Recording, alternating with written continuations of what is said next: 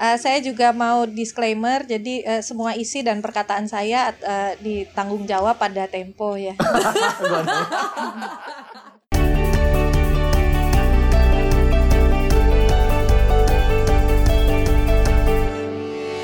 Halo, jumpa lagi di podcast Apa Kata Tempo bersama saya Lisa Siregar dan Mas Arif Zulkifli. Halo Mas. Hey Lisa. Gimana lebarannya Mas? Lebaran seru tapi ya uh, apa namanya nggak banyak mobilitas terbatas ya. Jadi di rumah aja. Ya. Nah ini karena Lebaran kita ada tamu nih Mas. Wih. Tapi virtual. Iya iya iya. Ya. Teman lama ini. Uh, Dulu sering muncul iya. loh di acara-acara Tempo. Oh ya? Oh sering banget. Perkenalkan dulu kita sekarang uh, lagi uh, kedatangan tamu seorang komika perempuan yang pernah masuk top 100 perempuan berpengaruh versi BBC. Wow. Uh, ini sekarang katanya kabarnya sedang membangun rumah bambu di Batang, Jawa Tengah. Nih ada Mbak Sadia Maruf. Halo dia, apa kabar? Halo, halo Lisa, halo Mas Arif. Apa hey, kabar baik? Dia. Alhamdulillah. Aduh, senang banget ketemu lagi. Mbak Dia, ini kita kedatangan Mbak Dia di podcast apa kata Tempo agak-agak minder nih. Kita ngomongin apa sih sampai harus ada Sadia Ma'ruf ini coba lo. Ngomongin lebaran ya, lebaran. Lebaran ya. Waduh, agak-agak minder nih, minder. uh, jadi Mbak Dia ini uh, komika yang terkenal banget dan karena punya latar belakang keturunan Arab, jadi sering bahan-bahan uh, joke-nya, bahan-bahan bercandaannya sering uh, ngomongin soal stereotip jadi orang Arab ya nggak karena kan uh, stereotipnya katanya religius banget terus konservatif tapi ternyata kalau dengerin Mbak Dia nih ternyata enggak juga gitu. Gimana Mbak Dia? Makanya sering diundang ke acara-acara keislaman gitu.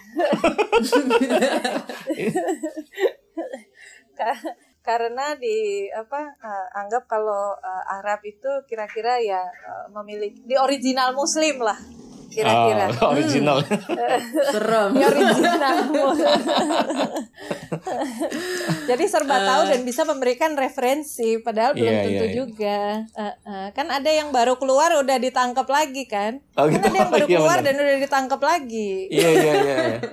Kenal ya, Mbak? Alhamdulillah enggak. Alhamdulillah enggak ya. Oke, okay, di edisi kali ini uh, kita akan membahas edisi khusus majalah Tempo. Uh, kali ini topiknya adalah Wali Nusantara. Ini uh, menarik ya. banget karena Wali Nusantara ini sebenarnya di luar yang kita kenal sebagai Wali Songo. Jadi kalau Wali Songo tuh kayaknya semua orang udah cukup tahu gitu. Tapi kalau Wali Nusantara tuh mungkin uh, kurang mendapatkan exposure. Misalnya ada ini ada dibahas uh, profil satu persatu di edisi khusus kali ini ada Abdul Asingkli dari Aceh.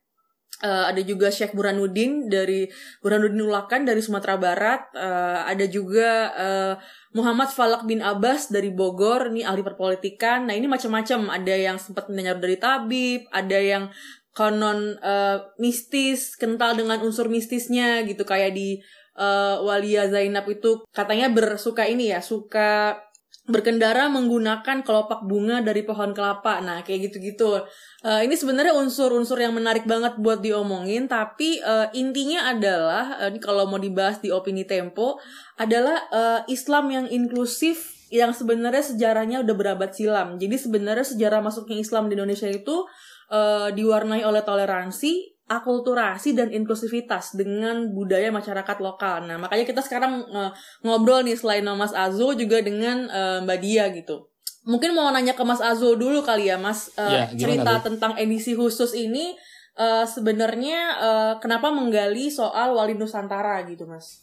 Jadi uh, uh, selalu kami di Tempo kalau setiap akhir Ramadan atau libur Lebaran kita menghindar untuk uh, nulis yang berat-berat dulu karena ngikutin suasana pembaca. Pembacanya kan pasti pengen istirahat, pengen hmm. liburan hmm. gitu. Jadi kita kasih sesuatu yang inspiring, tetap inspiring tapi dari angle-angle yang berbeda gitu. Nah, kali ini kita uh, mencoba menggali 11 orang penyebar Islam di Indonesia yang tidak seterkenal Wali Songo. Wali Songo tuh udah terkenal dibikinin film segala macam. Nah kalau ini enggak gitu, tapi mereka punya peran yang sangat signifikan. Tadi Lisa sudah bilang uh, menyebut misalnya satu di antaranya Abdul Rauf Al Singkili. sesuai namanya berasal dari Singkil, satu daerah di Aceh tapi de dekat di barat ya, pantai barat Aceh itu dekat dengan uh, Padang. Jadi uh, saya kebetulan pernah tuh ke Singkil, itu orang udah nggak ngomong Aceh di sana, ngomongnya bahasa Padang gitu, karena sangat dekat dengan dengan Sumatera Barat. Nah, uh, ini yang tadi disebut Lisa. Jadi betapapun dia punya pandangan-pandangan keagamaan yang mungkin ortodoks karena dia 19 tahun belajar di Timur Tengah, tapi e, ketika menyebarkan Islam di Aceh, dia sangat menyesuaikan diri dengan kultur. Salah satunya adalah dia tidak pernah memprotes kepemimpinan perempuan yang pada periode dakwahnya itu Aceh dipimpin oleh empat orang ratu jadi bukan raja tapi ratu. Buat uh, pemahaman mainstream ya paling tidak uh, kelompok Islam itu uh, bertentangan karena harus laki-laki gitu. Tapi dia nggak pernah mempersoalkan itu. Poinnya bukan apakah dia setuju atau tidak, tapi dia mau atau tidak mempersoalkan itu. Dan dia memilih tidak mempersoalkan itu dan akibatnya adalah memang jadi dia lebih mudah menyebarkan uh, apa uh, agama di di sana gitu. Uh, itu dasarnya. Nah, tentu saja di dalamnya ada macam-macam cerita itu tadi Lisa sudah sampaikan. Jadi akulturasi atau uh, bersahabat berdamai ya kalau sekarang kan lagi ramai itu berdamai dengan corona. Jadi pada suatu masa itu juga berdamai berdamai dengan uh, audiensnya para penyebar agama itu gitu. Uh, untuk uh, itulah makanya akulturasi itu jadi sangat penting gitu ya. Kita udah sering dengar lah misalnya menyebarkan agama pakai wayang gitu kan. Ya, itu yeah. yang dilakukan oleh uh, wali songo. Tapi kalau kalau ini ini ini juga apa macam-macam dia lewat uh, caranya gitu. Salah satu ciri akulturasi itu adalah uh, mistik. Jadi tadi Lisa sudah sebutkan hmm. berbagai cerita tentang wali nusantara ini ada yang bisa nancepin tongkat ke ke ke apa? Air, ke tanah, eh, ke tanah. terus ya. tanahnya keluar air tuh. Itu dipercaya oleh masyarakat ya. sana. Ya kan? E, tentu harus ada pembuktian arkeologis untuk membuktikan apakah itu betul atau tidak. Tapi itu melekat gitu. Jadi ciri uh, mistis itu melekat dengan uh, para penyebar Islam itu. Dan mistis itu kan sebetulnya adalah kultur lokal ya kan? Kultur lokal. Artinya uh, ciri akulturasi salah satunya adalah uh, dipercayanya uh, mereka sebagai uh, memiliki apa karomah memiliki kemampuan-kemampuan yang di luar ya, yang tidak dimiliki oleh masyarakat pada umumnya. Ya. itu sih kira-kira. Please ceritanya. Ya. Aku mau nanya ke dia dulu sebelumnya. Ya. uh, dia suka baca tempo nggak sih? Baca dong. Baca ya. Kaget nggak ketika tempo ngeluarin edisi khusus yang islami kayak gini Enggak, karena beberapa waktu lalu juga uh, banyak atau ada beberapa edisi Tempo yang membahas isu-isu Islam. Saya ingat dan masih memiliki uh, salah satu edisi hmm. Tempo di tahun 2017 tentang uh, Muslim konservatif. Ah, Kemudian saya masih ingat ada, betul. Masih ingat itu uh, edisi yang sangat menarik karena membahas uh, betapa um, uh, konservatisme sekarang sudah um, muncul dalam berbagai wujudnya dari mulai uh, perbankan atau uh, dunia bisnis keuangan sampai dengan perhotelan, hiburan, budaya pop dan lain sebagainya. Edisi yang sangat menarik sehingga tidak kaget bahwa saat ini Tempo hadir dengan edisi Wali Nusantara dan juga saya kira um, menurut saya Tempo uh, dengan munculnya edisi Wali Nusantara ini juga sangat-sangat relevan karena makin hari kita melihat uh, juga uh, makin munculnya eh, kelompok-kelompok tarikat misalnya yang tadinya sangat privat dengan apa jamaahnya sendiri dengan pengikutnya sendiri saat ini mulai uh, banyak di media sosial misalnya hmm. kemudian di diskusi-diskusi yang lebih umum untuk uh, menyebarkan uh, Islam yang uh, rahmatan lil alamin kira-kira seperti itu atau yang lebih kepada uh, hakikat dan tidak uh, terlampau formalistis itu baru terjadi kalau uh, cendikiawan muslim misalnya yang disampaikan oleh Tempo dikutip oleh Tempo ada uh, Nurholis Majid kemudian Mun Imsiri dan sebagainya itu tradisinya sudah cukup lama dari misalnya uh, Ijmi di masa Orde Baru. Tetapi beberapa tahun terakhir uh, muncul juga gerakan gerakan-gerakan yang sudah berabad-abad uh, uh, gerakan uh, Sufi Islam tarikat yang uh, muncul dalam bentuk yang baru tidak kalah ngepopnya dengan teman-teman uh, hijrah misalnya. Jadi pas sekali. Aku mau nanya nih ke ke Sadia. Mm-mm. Eh, kan kita tuh sekarang seperti dikepung ya, dikepung oleh oleh eh, kelompok-kelompok atau individu-individu yang eh, baru hijrah gitu, merasa eh, merasa jagoan banget nih dalam beragama gitu, dan penuh dengan eh, petuah-petuah gitu ya, di apakah di WhatsApp, apakah di percakapan tatap muka atau di sosial media yang eh, selalu ngajarin, eh yang bener tuh yang begini loh eh itu Iya. ha- haram loh itu ya. Nah dia tuh sebagai or- orang yang eh, bergaul kiri kanan gitu punya pengalaman menghadapi gitu. Gimana sih ngadepinnya gitu? Ah, gimana ngadepinnya kalau saya kalau saya berhadap menghadapinya dengan selera humor. Misalnya begini. Nah misalnya gimana? Em, saya punya eh, beberapa eh, joke yang biasa saya bawakan di panggung, bukan beberapa sih, hampir semua sebenarnya. beberapa Gimana? joke yang biasa saya eh, bawakan di panggung, saya memulai dengan eh, kehidupan saya pribadi misalnya. Seperti tadi yang dibilang Lisa, eh, saya eh, dituduh keturunan Arab, kira-kira begitu. Iya, sejak kecil dipanggil Arab. Boleh diklarifikasi Mbak Boleh Dia diklar- kalau bukan. Iya sih, Hadrami. Hadrami. Akhirnya loh. iya, dan abah dan mama saya sepupuan. Oh Jadi iya. ya, ya memang sudah sesuai tradisi dari Sudah generasi tradisi. ya. Sudah tradisi dari generasi ke generasi dan selain dibilang Arab-Arab, saya juga uh, hampir selalu ditanya hampir selalu ditanya, "Oh, orang Arab kalau nikah harus sama Arab juga ya?" Nah, saya itu bertanya-tanya. Kenyataannya memang demikian. Tapi kenapa sih saya pernah mendengar ibu-ibu nih, uh, ibu-ibu tetangga saya yang keturunan Arab juga bilang bahwa kita ini harus menjaga kemurnian akidah. Persis seperti yang disebutkan di uh, Opinia Tempo di edisi kali ini. Kita ini harus menjaga kemurnian akidah. Kalau menikah dengan orang Jawa misalnya, Islamnya itu masih campur-campur. Ini menurut Oh, pendapat lingkungan oke. saya. Saya berpikir Oke. ini campur-campur apa gitu, menyembah Tuhan plus menyembah keris apa bagaimana gitu kan. Dan yang men- lebih menarik lagi, saya ketahui bahwa tetangga tersebut pada saat pernikahan anaknya melemparkan pakaian dalam ke atas genteng agar Wow. pernikahannya tidak turun hujan. Ini sungguh murni akidah kami. Oh iya iya. iya. Ini murni banget.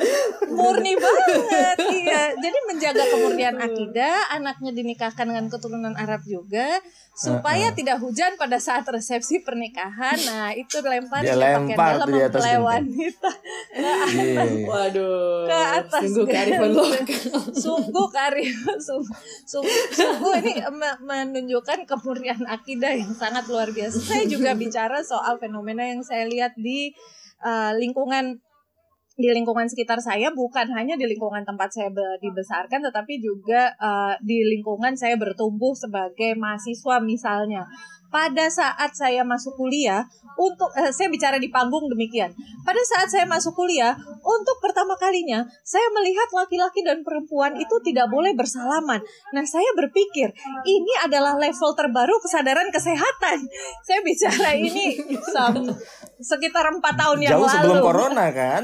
sebelum Wah, pelopor nih pelopor. pelopor level terbaru kesadaran kesehatan. Kemudian saya juga melihat diskusi-diskusi yang dipisahkan antara laki-laki dan perempuan. Biasanya dipisahkan dengan sekat atau korden. Saya pikir ini mungkin para podcaster kurang ganteng tapi suara empuk gitu kan. jadi jadi yang penting mendengarkan suaranya aja boleh lah gitu. Iya iya iya. Jadi ya eh, saya kira bagi saya penting untuk eh, kondisi-kondisi yang amat eh, eksklusif dan formalistik ini untuk Ya. eh, diberikan sedikit selera humor. Eh, Iya, iya. sedikit sedikit atau banyak boleh deh. Ah, saya pikir oh, penting menurut saya em, penting untuk menanggapi ya, penting men- untuk ah ini saya deg-degan loh ya Allah topiknya. Gimana kita mas? Jadi diulang-ulang terus dari tadi ya Allah. Eh, mendingan menghadapi mendingan menghadapi menteri di acara Tempo deh sungguh. Aduh, tapi eh, tapi kalau kalau eh, rasa apa rasa gugup saya ini mau dimasukkan di dalam podcast itu sesungguhnya menunjukkan eh, menunjukkan betapa eh, terkepungnya kita saat ini seperti yang dibilang Mas Azul tadi untuk membicarakan hal seperti ini saja menjadi terbata-bata gitu. Iya, Eh, sebenarnya kita takut sama siapa sih gitu kan? Em, kembali ke poin saya tadi, saya kira penting untuk menanggapi cara berislam yang eksklusif dan formalistik ini dengan selera humor. Karena saya pernah bilang di beberapa forum sekian tahun yang lalu pada saat ada tren eh, Indonesia tanpa FPI versus Indonesia tanpa JIL zaman dulu tuh. Eh, pas orang belum rame belum rame banget main Twitter di awal-awal sudah ada hashtag itu Indonesia tanpa FPI dan Indonesia tanpa JIL menurut saya saya pernah bilang di beberapa forum kayaknya eh, ke kedua kedua kelompok ini eh, cocok untuk menikah gitu. Karena sama-sama sa- iya karena memiliki banyak kecocokan gitu. Sama-sama eh, sulit untuk diajak berdialog dan sama-sama bertahan dengan opini masing-masing kan itu sifat yang kurang lebih mirip gitu kan biasanya orang kalau banyak kesamaan itu cocok Malah untuk cocok rumah ya? tangga gitu. Sakinah mawadah lah ya. Sakinah mau. Kira-kira begitu. Eh, kalau Oke. eh, sik- sikap yang eksklusif formalistik ini kemudian ditanggapi juga dengan sikap yang keras, artinya ya kita echoing kan, Eh, Echoing, echoing ya. apa yang eh, menurut kita eh, apa eh, ki- tidak tepat itu gitu. Kita Ya. melakukan apa yang kita tentang sendiri sebenarnya. So Hmm. saya memilih eh, komedi adalah jalan ninjaku.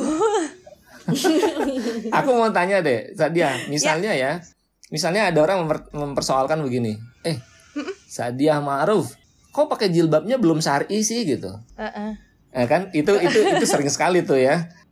Banyak banyak. Eh, saya yang cowok aja sering denger denger denger omongan seperti Iya. itu. Itu dijawab dengan humor yang seperti apa tuh?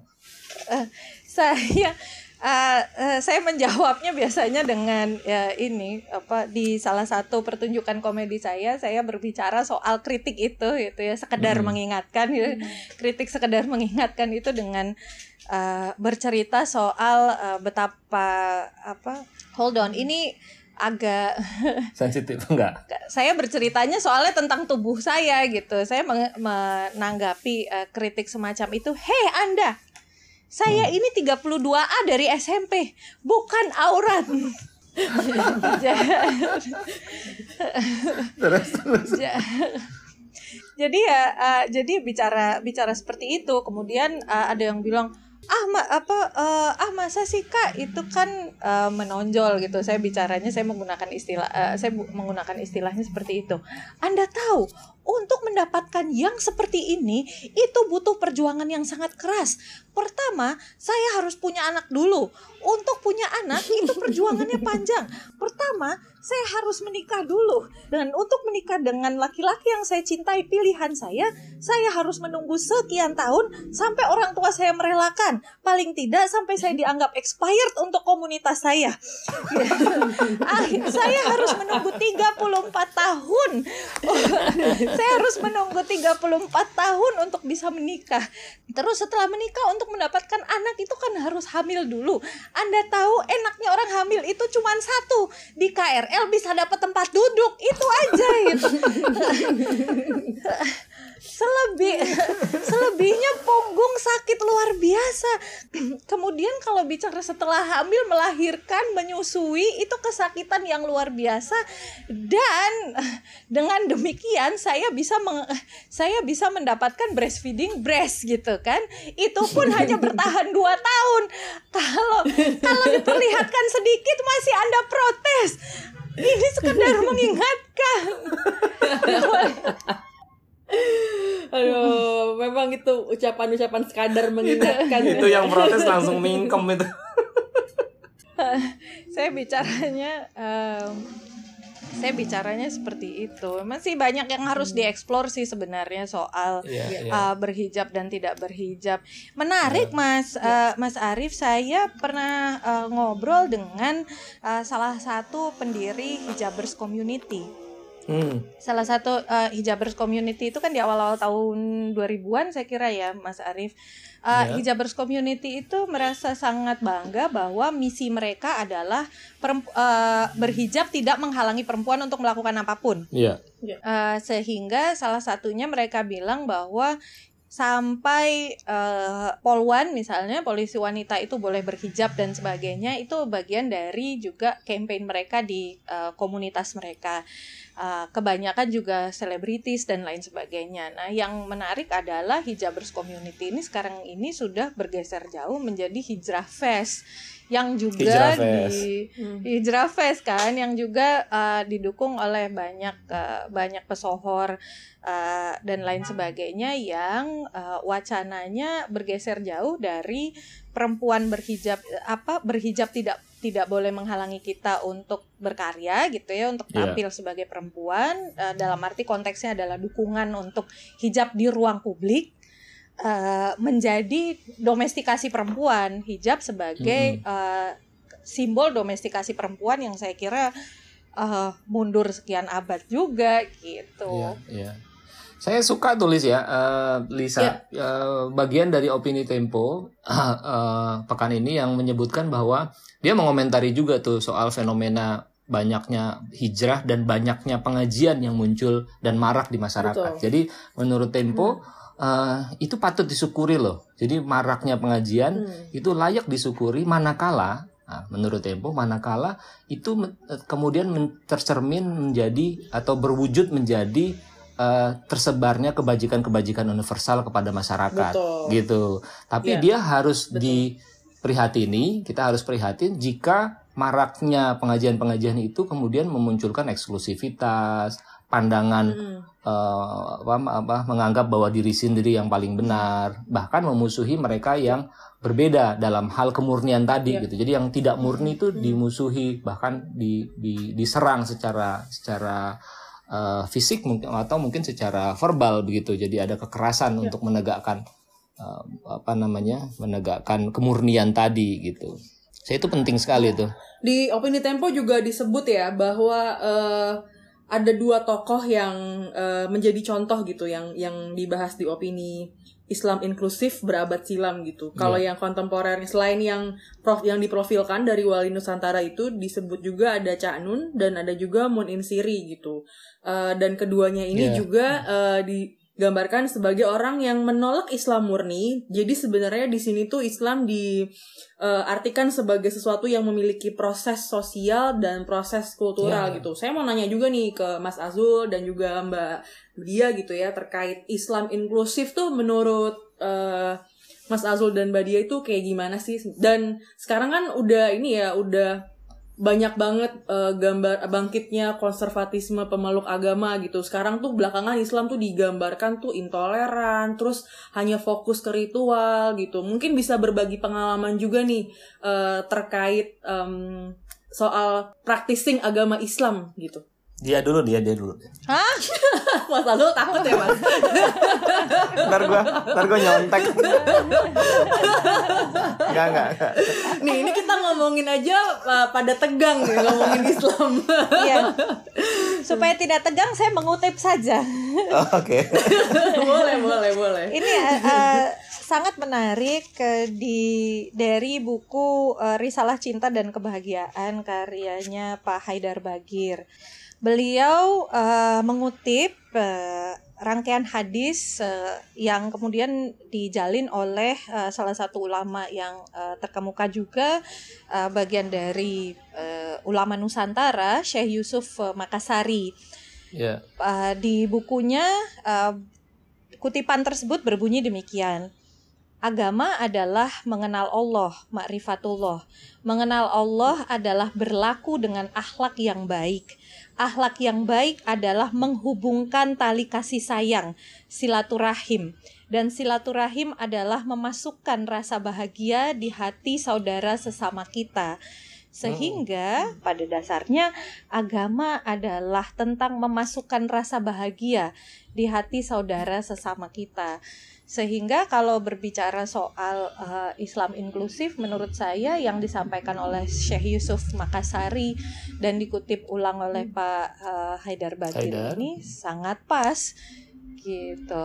Iya, iya. Uh, Islam yang membahagiakan, memasukkan rasa bahagia di uh, sesama kita. Saya pernah hadir di World Youth Forum di Mesir dan ketika saya memperkenalkan diri dari Indonesia, salah satu pembicara yang diundang uh, pada waktu itu yang memiliki pengalaman tinggal dan uh, mengunjungi Indonesia, mengunjungi dan tinggal uh, sebentar di Indonesia, dia menyebutkan, "Oh, Indonesia, the smiling Islam." Oh, itu indah sekali ya. Hmm. Iya makanya jadi apa uh, itu momen yang tidak terlupakan bagi saya ketika di banyak media terutama media asing uh, Indonesia diberitakan uh, sebagai apa rising conservatism dan sebagainya meningkatnya konservatisme dan itu juga kita alami real di uh, keseharian kita masih banyak orang yang mengingat Indonesia sebagai the smiling Islam dan saya kira uh, apa Islam inklusif itu juga bisa diwakili dengan itu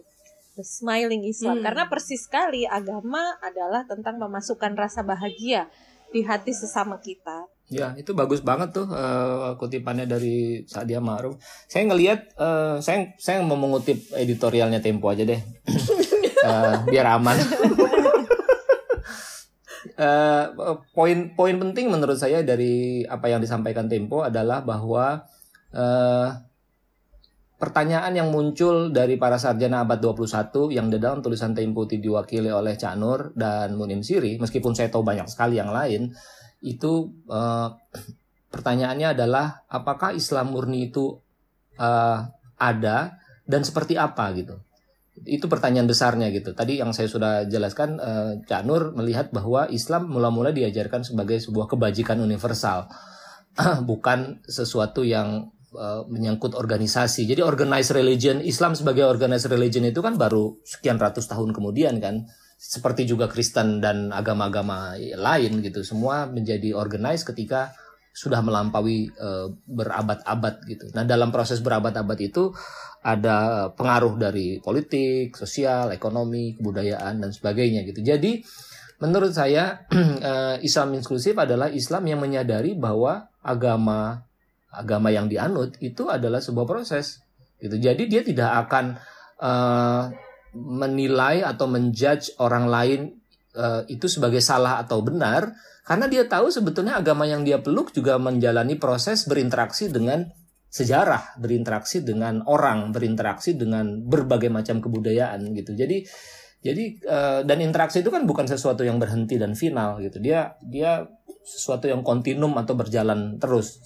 bahkan sampai sekarang gitu. Jadi sekali lagi eh, ending dari editorial Tempo itu menyebutkan bahwa eh, Islam menjadi rahmatan lil alamin ketika dia bersikap inklusif, dia tidak mengandang bahwa kebenaran hanya datang dari dirinya sendiri gitu. Jadi dia terbuka terhadap kebenaran-kebenaran lain yang dimiliki dan itu sebetulnya cocok sih dengan eh, eh, hadis ya rasanya hadis Nabi yang bilang bahwa eh, hikmah itu milik is- umat Islam, milik Muslim dan karenanya pungutlah dia ber- di mana pun dia berada gitu. Jadi Hmm. kita bisa belajar dari mana pun, kita bisa memungut hikmah. Hikmah dalam pengertian itu sebenarnya kebajikan universal, virtu gitu kalau bahasa anak-anak filsafat.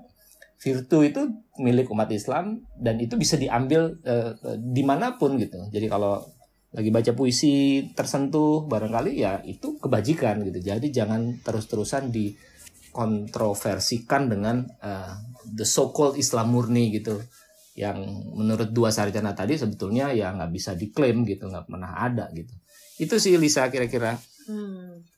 Oke. Eh, Mas Arief, Zulkifli dan Mbak Diah eh, dari tokoh-tokoh Wali Nusantara ini ada yang udah sempat familiar belum namanya atau mungkin pernah ke makamnya atau kayak gitu-gitu. Kalau aku sih suka banget dengan eh, yang di Aceh ya. Semoga sempat aku belum pernah ke Aceh gitu. Tapi aku suka banget ketika mendengar ada empat ratu yang sempat ini apa mem- eh, sempat berkuasa di eranya dia gitu kan berarti itu sangat eh, menampik tanggapan kalau uh, Islam tuh merendahkan perempuan apa segala macem kayak gitu-gitu. Kalau Mbak Dia gimana? Uh, saya sendiri merasa berbahagia dan berterima kasih kepada Tempo untuk meng, uh, yang mengangkat tokoh-tokoh wali Nusantara ini karena saya sendiri juga belum mengenal uh, apa belum mengenal tokoh-tokoh wali Nusantara ini sebagai sebagai note juga saya tumbuh besar di uh, lingkungan yang uh, menghindari makam-makam uh, dan ritual hmm. ritual mengunjungi uh, makam. Jadi memang karena uh, terlahir di lingkungan tanda kutip uh, pemurnian akidah itu tadi gitu. Jadi jadi tidak banyak uh, tidak banyak mengenal uh, mereka yang datang membawa Islam ke Indonesia sehingga saya kira saya mewakili banyak orang juga yang pengalamannya sama akan mendapatkan uh, manfaat yang sangat besar dari edisi Tempo Lebaran kali ini. Aduh, senang sekali. Mas Azul ya. boleh diceritain nggak hmm. Mas? Uh, itu sebenarnya latar belakangnya, maksudnya uh, itu penulisannya tekniknya gimana tuh Mas? Karena kan ini udah apakah cuman secara literatur aja uh, atau ada teknik-teknik lain dalam menulis edisi khusus ini? Ada peneliti-peneliti Indonesia yang untungnya sudah mendahului Tempo dengan uh, apa meriset uh, secara serius tentang Wali Nusantara ini. Satu hmm. yang hmm. cukup terpandang adalah Pak Azumardi Azra gitu. Jadi kita banyak dapat uh, cerita dari Pak Azumardi Azra. Nah, ini adalah sebuah metode yang lazim dilakukan di Tempo. Biasanya kita akan berangkat dulu dari orang-orang yang sudah punya pengalaman dan tahu tentang topik yang mau kita tulis. Jadi kita bikin hmm. diskusi secara serial gitu bisa 4-5 kali diskusinya. Uh, ya. Untuk kemudian cerita dari para sejarawan dan para periset itu kita bunyi kita bumikan gitu. Nah ini yang memang ada problem secara jurnalistik kan orang nggak kepengen dengerin orang ceramah ya uh, atau ber apa uh, ya berceramah lah gitu. Jadi dia cerita itu mesti dibumikan. Nah, dibumikan itu dengan cara reportase. Jadi kita pergi ke mana? Kita pergi ke Aceh, kita pergi ke tempat-tempat yang disebut gitu. Tadi Sadia juga menyebut soal uh, Syekh Yusuf ya. Syekh Yusuf ini adalah seorang uh, penyebar agama dari uh, Makassar yang kemudian uh, um, meninggal dan dimakamkan di di Afrika Selatan di Afrika Selatan gitu. Nah, saya tuh kebetulan pernah tuh ke sana tuh ke makamnya Syekh Yusuf di di Afrika Selatan itu. Dia dimakamkan di satu tempat ada ada dibikin kayak rumah kayak masjid bentuknya kecil sekali sederhana. Tapi yang menarik adalah di dia uh, makam itu terletak di satu kawasan yang namanya kawasan Makassar gitu. Karena banyak sekali uh, imigran Indonesia dengan berbagai alasan ada yang karena perbudakan perdagangan dan sebagainya itu orang-orang Makassar yang tinggal di sana uh, sudah beratus-ratus tahun. Jadi saya ketika ke sana itu saya uh, disambut dengan bahasa Indonesia dengan makanan hmm. Indonesia gitu. Jadi uh, orang-orang yang nggak ada bedanya gitu. Meskipun bahasa Indonesia tentu uh, agak aneh buat, buat telinga kita tapi kita bisa paham gitu uh, seneng juga sih itu pergi ke tempat yang jauh tiba-tiba ketemu kampung sendiri gitu. Hmm, Oke, okay. uh, eh, kalau misalnya kita ngomongin tadi Mas Azul bilang kalau secara jurnalistik tuh uh, yang terlalu dakwah tuh orang agak-agak nolak gitu, jadi harus dibumikan gitu. Aku mau nanya ke dia dulu sih sebenarnya, kalau dari komedi itu sering dianggap dakwah atau malah dicela gitu? Iya. uh, saya kira humor apa uh, komedi sudah menjadi bagian dari uh, tradisi uh, Islam sudah sangat lama ya. terutama di pesantren salah satu yang paling hmm. paling terkenal dan terkemuka tentu saja uh, Allah yarham Presiden Abdurrahman Wahid dengan uh, humor-humornya hmm. dari mulai uh, humor tentang uh, tentang Islam, tentang uh, lintas agama, ya. tentang politik dan lain sebagainya. Sehingga uh, saya kira yang diperlukan saat ini adalah menghidupkan kembali humor di komunitas-komunitas uh, beragama. Karena menurut saya hmm. kita itu uh, tidak boleh uh, melihat atau menganggap diri sendiri itu terlalu serius gitu. Dalam uh, dalam karena kalau kita terlalu menganggap diri sendiri terlalu menganggap diri sendiri terlalu uh, serius itu uh, khawatirnya itu akan akan menjadi kultus yang baru lagi gitu akan menjadi menjadi kultus hmm. yang baru lagi dan bukankah uh, kultus tersebut yang kemudian kita uh, tentang dalam prinsip-prinsip uh, ketauhidan yeah. yang um, memerintahkan kita untuk memandang uh, hanya kepada Allah gitu. Jadi saya kira uh, hmm. apa uh, komedi dan selera humor itu menjadi menjadi penting dan penting juga untuk uh, dihidupkan lagi, uh, dikembalikan lagi di dalam kehidupan uh, umat beragama, bukan hanya eksklusif di tradisi pesantren misalnya gitu. Bahkan mau bicara uh, apa yang sekarang atau yang akhir-akhir ini juga banyak dikampanyekan seperti khilafah gitu dengan dengan sedikit selera humor juga bisa sebenarnya. ini pemberani banget loh Sadia Ma'ruf ini. pernah nerima kom pernah nerima komplain gak sih? Kenapa? Dia pernah nerima komplain gak sih kalau joknya mungkin apa ada orang yang tersinggung dengan joknya dia gitu? Pernah nggak kayak gitu? Uh, banyak sih. Iya uh, banyak. Ada yang uh, ini ada yang di ya tapi di di di media sosial saja sih. Di media hmm. sosial dan dan uh, komplain dari keluarga tentu saja. Iya. Oh ada juga ya? Iya dan uh, di med tapi di media sosial itu lucu-lucu. Uh, ada yang bilang bahwa kamu bicara seperti ini, saya akan dengan senang hati melihatmu terbakar di neraka gitu. Saya kan mikir ya. Hmm. Nah, kalau Anda bisa lihat uh, saya terbakar di neraka itu gitu. Alternat uh. apa kemungkinannya cuma dua, either Anda malaikat penjaga neraka atau Anda ikuti neraka sama saya gitu. Iya, iya, iya. Jadi berarti dia juga ada di situ ya kan di tempat yang sama. Uh, uh, jadi komentar makian dan uh, komentar makian dan segala macamnya itu um, ya ya beberapa beberapa kali jadi membuat membuat saya sedih dan dan mundur sih sebenarnya tapi uh, akhirnya sebagai orang yang memegang prinsip-prinsip dalam berkomedi juga gitu uh, bagi saya uh, backlash, uh, komentar dan lain sebagainya itu proses dialog. Artinya saya juga harus harus berefleksi dan tidak boleh merasa benar sendiri. Uh, yang yeah. yang yang persoalan itu kan uh, kalau mentang-mentang uh, komedian gitu ya. Terus ada orang yang protes berarti Anda tidak punya selera humor langsung begitu ya oh, arogan. Oh, iya, iya, iya, uh, arogan amat gitu kan. Iya, Jadi Uh, bagi saya juga apa uh, komentar uh, komentar negatif juga yeah. bagian dari dialog dan bisa saya tanggapi dengan sebisa mungkin yeah. saya tanggapi dengan humor Atau juga. gini, jangan-jangan jangan-jangan marah itu juga bagian dari humor ya. marah itu katanya haters kan adalah uh, apa uh, fan fans diam-diam gitu. Biar diperhatiin oh, biar diperhatiin. Apa di media sosial iya, katanya iya. biar di notice kakak gitu. Iya, oh iya, iya, notice iya, ya di dia marah-marah ya. gue setuju banget yang bagian ini. Sebagai orang yang sering dihujat. Iya. mas Azul sering dilaporkan ya mas ya. Sering dihujat Oke, okay. Mbak Dia aku mau nanya dong terakhir ya. buat penutup aja nih. Uh, kira-kira setelah baca edisi khusus Wali Nusantara ini apakah sesuai ekspektasi uh, atau ada yang kurang dari laporan? Karena kan Tempo lumayan jarang nih untuk ngebahas edisi Islami kayak gini. Uh, Gak apa-apa lepas aja. Lepas Jangan sungkan sama Mas Azul. Sama gue live grup dulu nih. kalau uh, kalau bagi saya yang apa kalau bagi saya yang baru mengenal sangat bermanfaat. Ini bukan memuji-muji dan melebih-lebihkan karena sering diundang Tempo ya.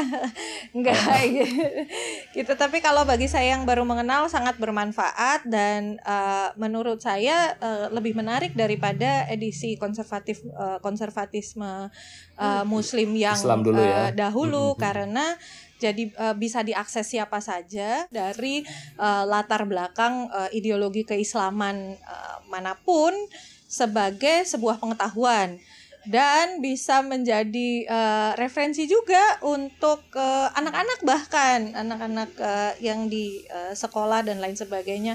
Bagian dari rewriting the history sih karena yeah, yeah, uh, yang selama ini dianggap kanon kan Wali Songo. Sedangkan misalnya edisi-edisi isu keislaman yang terdahulu bisa menimbulkan reaksi yang negatif juga dari beberapa pihak. Kalau yang saat ini sangat-sangat uh, insightful dan uh, menurut saya Hmm, ya. bisa diterima sebagai pengetahuan baik bagi mereka yang setuju ataupun tidak. Hmm.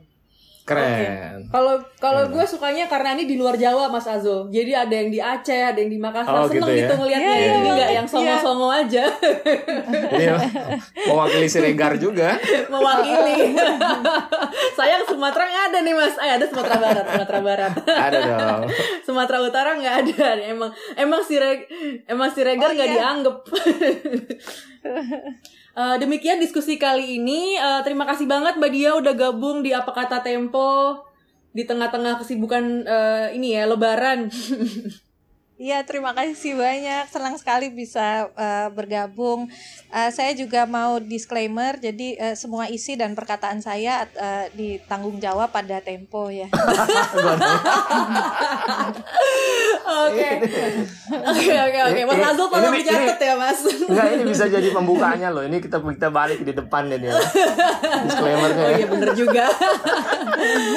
Oke, edisi khusus Wali Nusantara ini menarik banget buat dibaca. Jadi biar kamu taunya nggak cuman Wali Songo doang gitu. Jadi bisa tahu tokoh-tokoh lain yang berjasa udah nyebarin agama Islam di seluruh Nusantara. Segera dapetin edisi cetaknya atau bisa juga dibaca ed- edisi digitalnya di majalah.tempo.co. Eh, segitu dulu dari kita. Eh, makasih Mas Azul, makasih Mbak Dia. Eh, Makasih Lisa, makasih. sampai jumpa lagi. Bye bye.